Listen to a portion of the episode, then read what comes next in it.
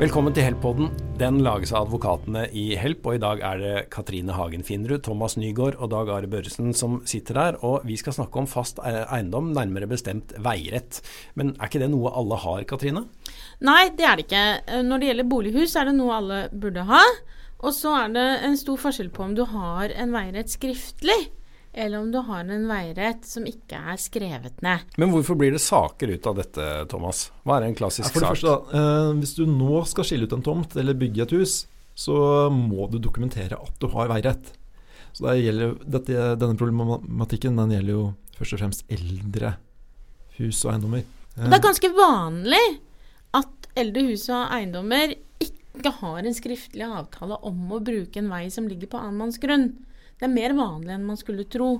Men det at det ikke finnes skriftlig, det betyr ikke at du ikke har det. Så det du gjør, er jo at du starter med å sjekke hva som står i grunnboka om din eiendom. Og så er det en del misforståelser ute og går. Det kan hende at det kommer uh, nye grunneiere inn, altså til den eiendommen hvor veien går over, som sjekker grunnboka, ser at det ikke står noe om tinglys veirett, og så kommer de og øh, viser til at du har ikke rett til å kjøre over min eiendom. Det er en utbredt eh, misforståelse at uh, fravær av tinglyst rett betyr at du ikke har rett.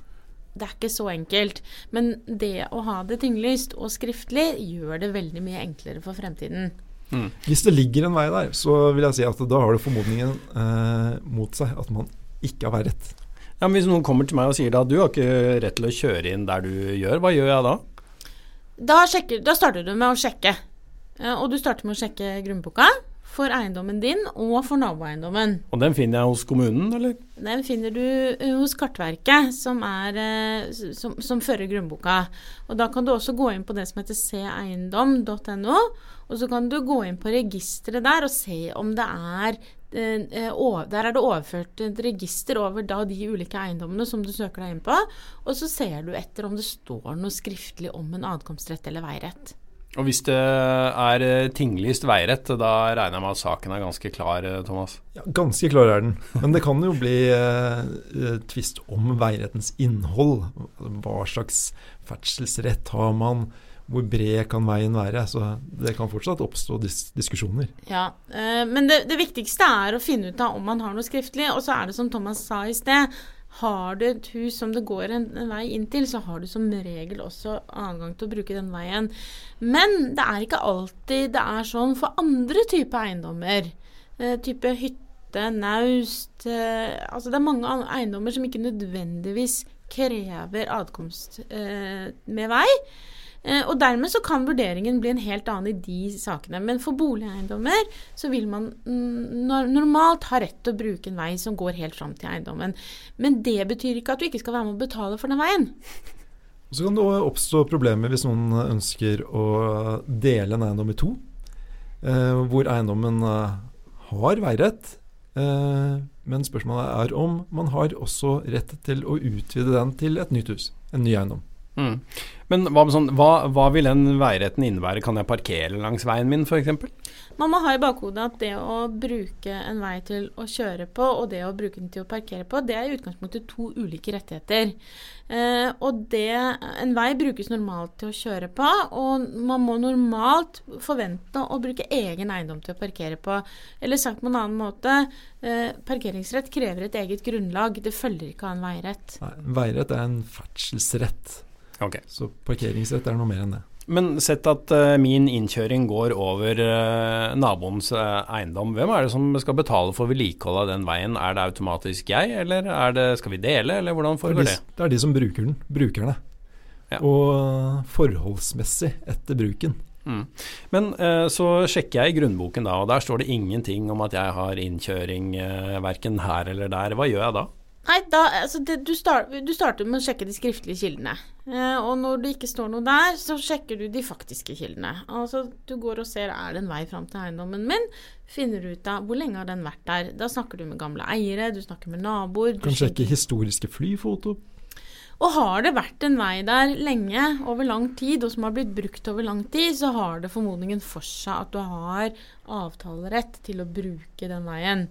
Og for, skulle det mot formodning være at det ikke står seg som en avtale, så vil det også kunne eh, komme på hevdsgrunnlag. Og hvor lang tid må man da ha hevdet den veiretten for at uh, jeg skal komme noen vei med det? Hvis det har ligget en vei der, og man har brukt den i over 20 år, så kan vilkårene for hevd være oppfylt. Mm. Men Du nevnte fradeling og utskilling av tomter osv.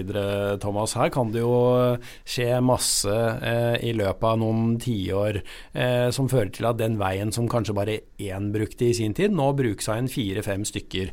Eh, og Da vil det jo gjerne oppstå spørsmål om eh, hvem som skal eh, vedlikeholde veien, og hvordan de utgiftene skal fordeles.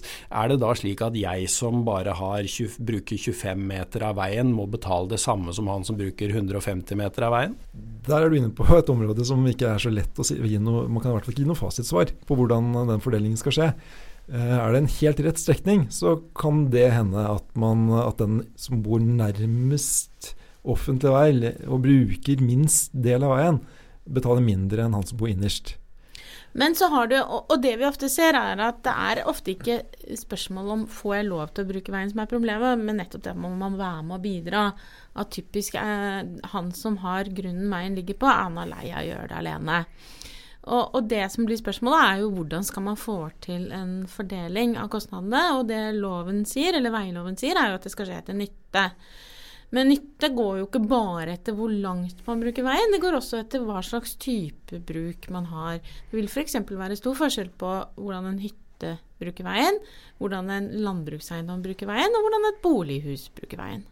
Ja, eh, Kan jeg legge til grunn at jeg har eh, rett til å bruke veien både sommer og vinter? Altså jeg antar at Hvis det handler om et bolighus, så kan jeg bruke veien hele året. Men eh, det er jo ikke alltid sånn i hytteområder. Hvis du har veirett du, og det ikke står noen begrensninger, så kan du legge til grunn det. Men eh, du må sjekke stiftelsesgrunnlaget, som vi sier. Du bør sjekke hva den avtalen som ligger til grunn for veiretten. Der kan det ligge den type begrensninger. F.eks. så må man i hver enkelt sak se på det konkrete saken. Er det en annen adkomstmulighet på sommeren som man begynte å bruke først? og så får man en tilleggsrett til å bruke typisk en annen vei om vinteren, så kan det godt være at du har ulik veirett for sommer og vinter. Når det gjelder veirettens innhold, så må den tolkes. Og da ser man på den avtalen som ligger til grunn. Har man noe skriftlig grunnlag, så ser man selvfølgelig på den. Eh, og så ser man også på praksis, etterfølgende praksis. Hvordan, hvordan har den veiretten blitt utøvd opp gjennom tiden? For å prøve å, å, å finne ut da hva, man, hva slags bruk er det man har rett til. Men uh, la oss si at det er et lite hyttefelt. Da, da kan jeg og naboene mine uh, avtale hva vi vil. Altså Det er gjerne en grunneier involvert. Men hvis vi er enige, så kan vi avtale å sette opp bom, f.eks. Hvis det er det vi ønsker. Du kan ikke sette opp bom uten å søke kommunen om lov til å sette opp bom. Uh, så det må du spørre om lov til. Men det er ikke uvanlig at man har en vei som tjener litt ulike formål. F.eks. For som du sier, så kan det være Eh, grunneiere som driver landbruk, eh, næring. Tømmertransport. Ja, og så kan du ha hytteeiere som bruker den til ferdsel til og fra hytta. Men så er det også noen ganger at den veien brukes for rekreasjonsformål. Altså typisk at det er andre som ønsker å bare benytte veien for å parkere bilen og gå på tur sommer og vinter. Og da kan det være hensiktsmessig å få, få disse som bruker den sporadisk, til også å være med å betale for slitasjen på veien. Eh, for det kan godt være det er de som sliter mest. Og da kan det å, å, sette opp en bom være med på å finansiere vedlikehold av veien på en sånn måte at hytteeierne og grunneierne eh, slipper unna med å betale for andre. La oss nå si at jeg har fått uh, avklart at uh, jeg har uh, veirett, og veien ligger der den skal. Men så har jeg lyst til at den skal gå et annet sted. Kan jeg legge om veien min? Både rettighetshaver, den som har veirett, og grunneier kan eh, etter forholdene legge om veien. Det er den som ønsker å legge om veien, kan eventuelt få omskipet den, som vi sier. Nå er vi inne i servituttloven, eh, og det, hvis eh, veien kan traseen, veitraseen kan legges om uten at det er til urimelig ulempe for den andre, så kan det være en mulighet. Så sagt på en annen måte, så kan du stort sett gjøre det du ønsker, så lenge det er til en fordel for de andre som bruker veien, og du i tillegg tar den økonomiske belastningen ved å gjøre det. Eh, du må tenke deg litt mer om hvis du krever at de også skal være med på å betale for det. Og i tillegg hvis det blir byrdefullt for dem, enten at det blir brattere å kjøre eller lengre å kjøre. Til slutt så kan vi jo snu det rundt. da. Eh, hva om jeg har veirett, men så sier grunneieren som jeg er avhengig av for å komme til den offentlige veien at eh, du, vet du hva, jeg trenger å få lagt om den veien, at du kjører inn fra en annen kant. Kan han gjøre det, da? Ja, Det blir litt det samme perspektivet. at Hvis det ikke spiller noen rolle for deg om du kjører inn fra den andre siden, og han bekoster dette, så vil han kunne kreve å gjennomføre det. Mens hvis det har en betydning for deg, enten økonomisk eller praktisk, så er det ikke gitt at han kan nå gjennom med det. Og i hvert fall ikke uten at han selv bekoster det. Nå snakker vi om den privatrettslige siden, om man har veirett over en annens eiendom. Men det er også en offentligrettslig side. Man må få avkjørselstillatelse fra kommunen for å kunne kjøre fra offentlig vei og inn til eiendommen. Ja, og Det har bl.a. å gjøre med hvor oversiktlig det er der hvor avkjøringen er osv. Helt Ja. riktig. Jeg tenker at det var en, eh, et lite innblikk i eh, avkjøringens eh, og veirettens ABC, og det kan vi sikkert lage mange episoder om, men jeg tror at vi stopper der for i dag. Takk for at du hørte på Help-podden.